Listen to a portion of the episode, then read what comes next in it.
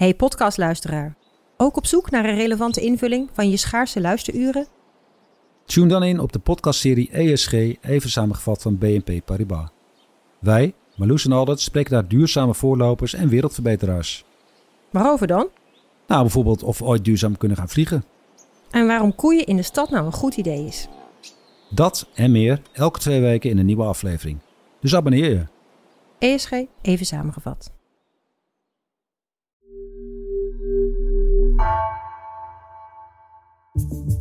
Vanaf de redactie van NRC het verhaal van vandaag. Mijn naam is Egbert Kalsen.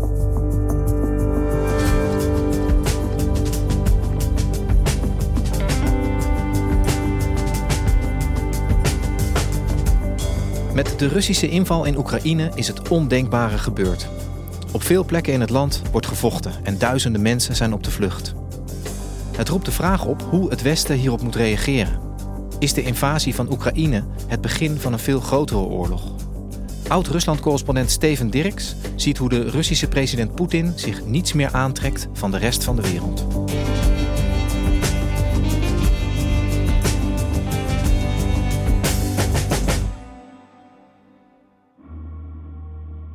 Ik ben uh, de avond voor de invasie gaan slapen met een soort van onbestemd gevoel. En op de een of andere manier werd ik om vier uur s'nachts wakker. En toen dacht ik, het zou toch niet begonnen zijn? Ik keek op Twitter en het was begonnen.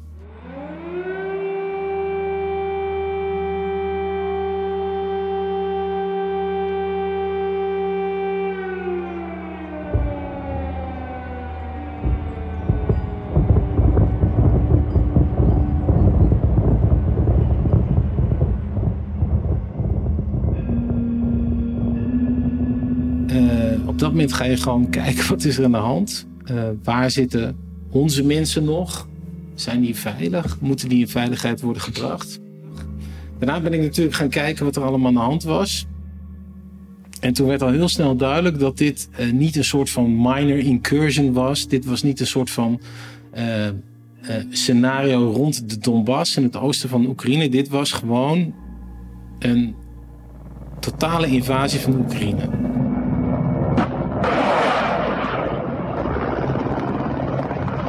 Russische leger is de afgelopen nacht Oekraïne binnengevallen. Op bevel van de Russische president Poetin zijn troepen de grens overgetrokken. En militaire bases van het Oekraïense leger worden bestookt. Steden worden getroffen door raketten. As President Putin spoke before dawn, big explosions were heard on the outskirts of Kiev, Kharkiv, Odessa and other cities across Ukraine. There are big explosions taking place in Kiev right now. Um, I can't see where they're taking place from this vantage point here on top of the roof of the hotel in central Kiev. And I can't explain what they are, but I heard four or five explosions. In de loop van de dag bleek ook dat um, heel veel van mijn Russische vrienden en bekenden uh, enorm aangeslagen waren. Mensen vertelden dat ze huilend op hun werk zaten. Uh, mijn Russische schoonmoeder belde al haar vrienden en bekenden in Kiev om haar excuses aan te bieden voor deze invasie. Um, Russen zijn enorm aangeslagen over dit nieuws.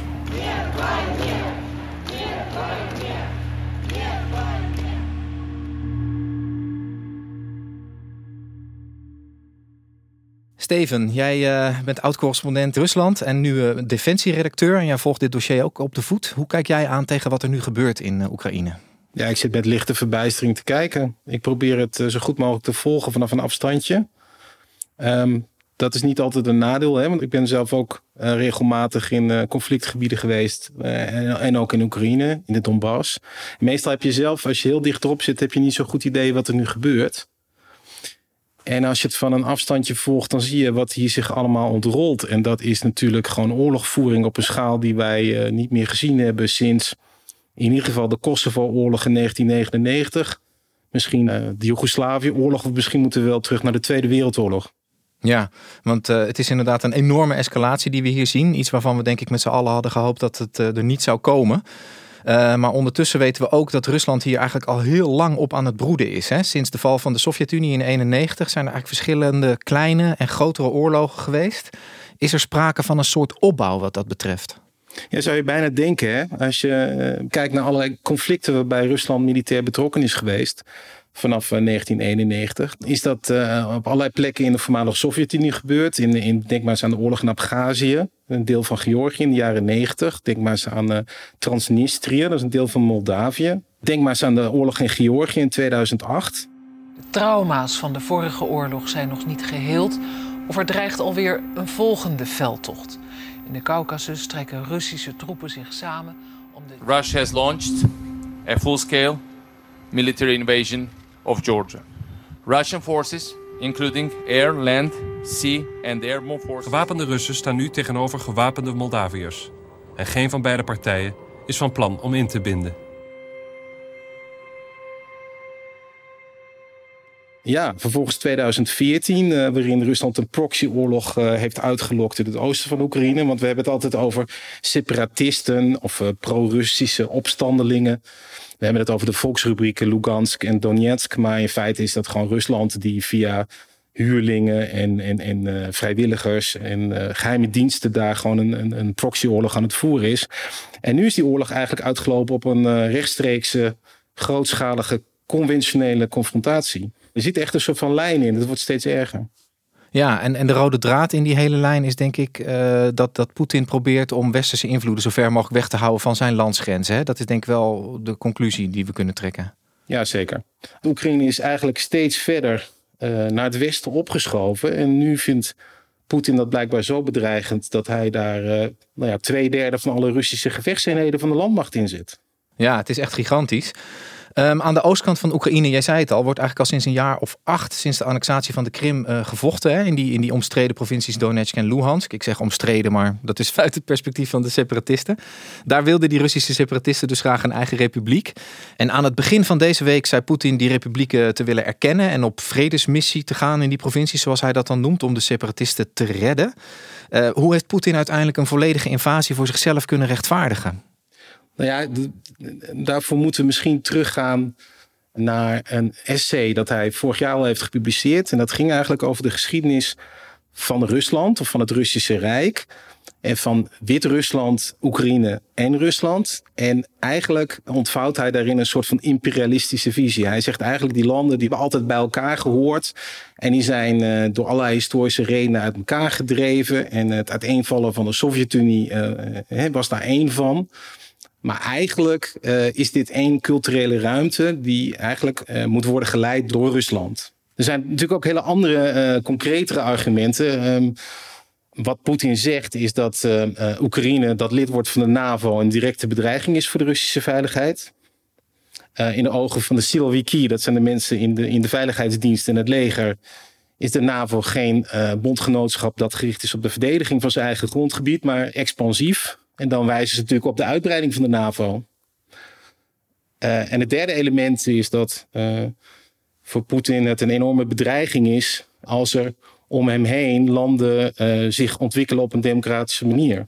Ja, en als je al die rechtvaardigingsgronden tussen aanhalingstekens dan op een rijtje zet, kunnen we dan ook weten zeg maar, wat hij uiteindelijk met deze inval in Oekraïne wil bereiken? Wat is zijn doel precies daarmee? Ja, hij heeft een toespraak gegeven bij de start van deze invasie. En hij heeft dat eigenlijk heel duidelijk gezegd. Hij heeft gezegd uh, dat hij streeft naar een regime change. Er moet een andere regering komen. Uh, wat hij uh, de denazificatie van Oekraïne noemt. een van de elementen in de Russische propaganda is altijd dat ze hebben gezegd dat Oekraïne is overgenomen door nationalisten met fascistische ideeën. En het tweede wat hij heeft, heel duidelijk heeft gezegd is dat hij Oekraïne wil demilitariseren. Dus hij probeert nu twee dingen te doen de Oekraïnse strijdkrachten vernietigen. Eh, waardoor hij ervoor kan zorgen dat er een uh, andere regering komt die pro-Russisch is. En dat Oekraïne weer terugkomt in de invloedssfeer van Moskou.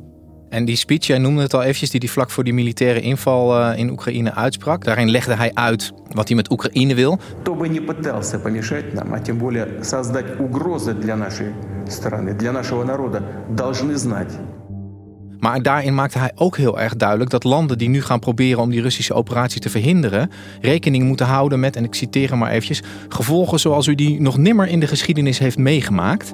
Что ответ России будет незамедлительным и приведет вас к таким последствиям, с которыми вы в своей истории еще никогда не сталкивались.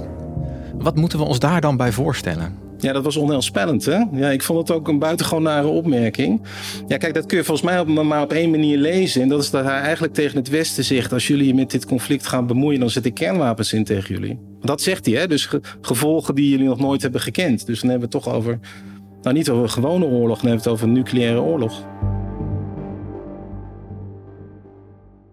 Steven, er wordt uh, veel gesproken over de reactie vanuit het Westen. Verschillende regeringsleiders die hebben het nu over de hardste sancties ooit die we op Rusland moeten gaan loslaten. Economische sancties hebben we het dan over. En tegelijkertijd zie je ook dat er op militair vlak wel wat overwegingen worden gemaakt. Hoe kijk jij daar tegenaan? Nou, dat klinkt misschien allemaal heel alarmerend als we het hebben over militaire reacties van de NAVO. Maar daarbij moet je wel één ding heel duidelijk voor ogen houden. En dat is dat de Verenigde Staten als de NAVO hebben uh, heel duidelijk gemaakt dat zij zich niet militair met dit conflict gaan bemoeien. The president has been crystal clear and consistent. He is not sending US troops to fight in Ukraine. En dat dit niet gaat over een aanval op uh, een van de lidstaten van het bondgenootschap.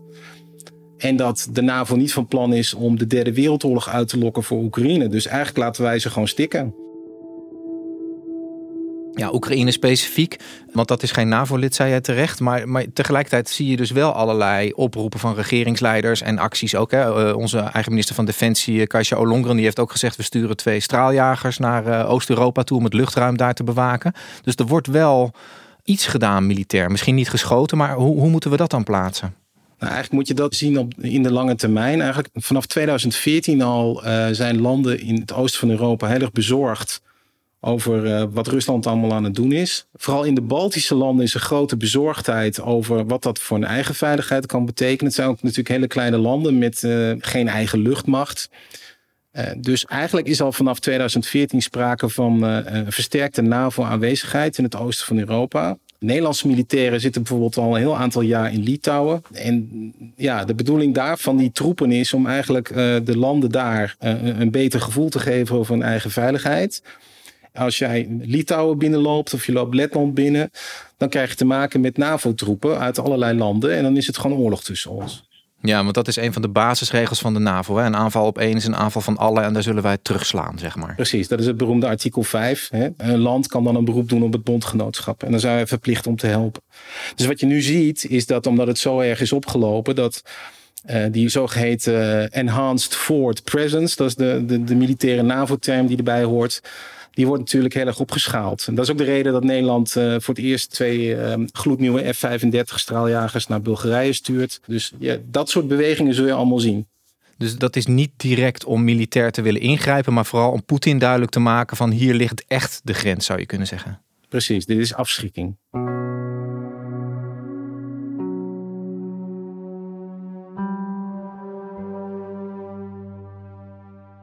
En Litouwen heeft nu ook daadwerkelijk de noodtoestand uitgeroepen. Wat, wat betekent dat dan? Nou ja, ik denk dat dat heel goed eh, tot uitdrukking brengt uh, wat het teweeg brengt in Baltische landen die weten wat het is om uh, bezet te zijn door Rusland. Hè? Die nog deel hebben uitgemaakt van de Sovjet-Unie. Dus voor ons is het, was het tot voor kort misschien een ver van ons bedshow. Van dat, nou ja, in, in, Poetin is misschien een beetje agressief bezig. Maar voor die landen is dat natuurlijk een trauma. Dus zo'n reactie is begrijpelijk. Tegelijkertijd kun je je afvragen of het heel constructief nu is. Hè? Of dat wenselijk is om uh, al te gealarmeerd te doen nu. Want wat zou daar niet uh, constructief aan kunnen zijn?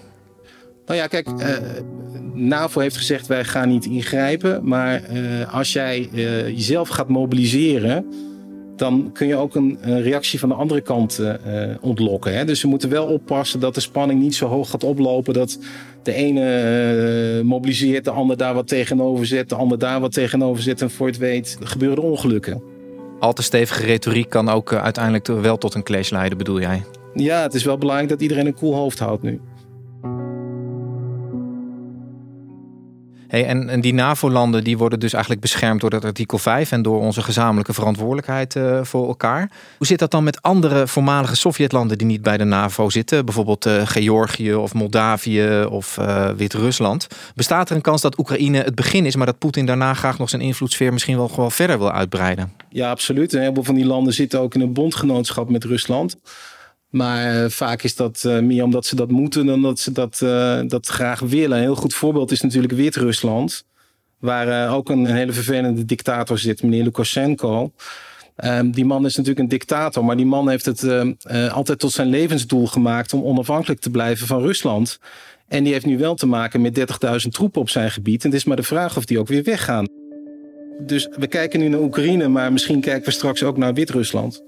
Hey, en ik merk in mijn omgeving dat heel veel mensen zich nu afvragen of we afstevenen op een, uh, een groot conflict, een derde wereldoorlog. Hè. Zie je ook in de media wel opduiken, die term, of misschien zelfs een opflakkeren van wat dan vroeger de Koude Oorlog was.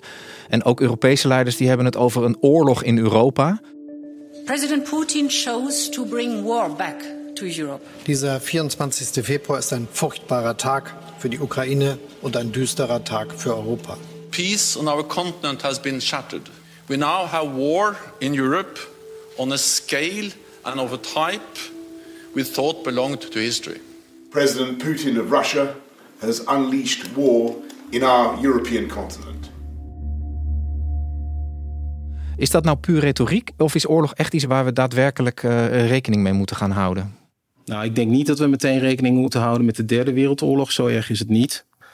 Maar kijk, als we het hebben over oorlog in Europa, dan hebben we het letterlijk over oorlog in Europa. Ook al is het Oost-Europa en is het niet Centraal-Europa of West-Europa, maar het is natuurlijk wel Europa.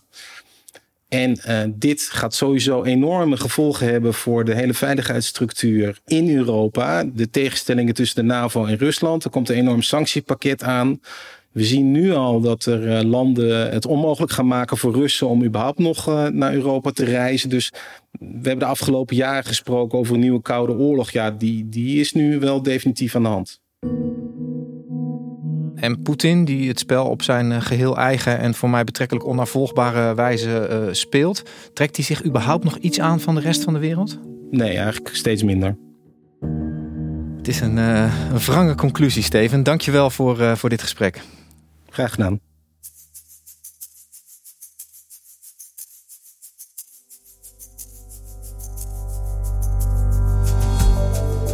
Je luisterde naar vandaag, een podcast van NRC.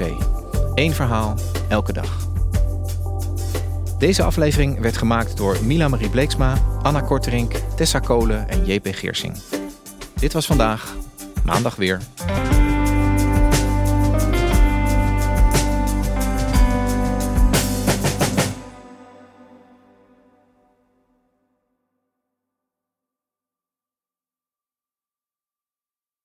Technologie lijkt tegenwoordig het antwoord op iedere uitdaging. Bij PwC zien we dit anders. Als we de potentie van technologie willen benutten, kunnen we niet zonder een menselijk perspectief. Human-led, tech-powered noemen we dat. Ga naar pwc.nl.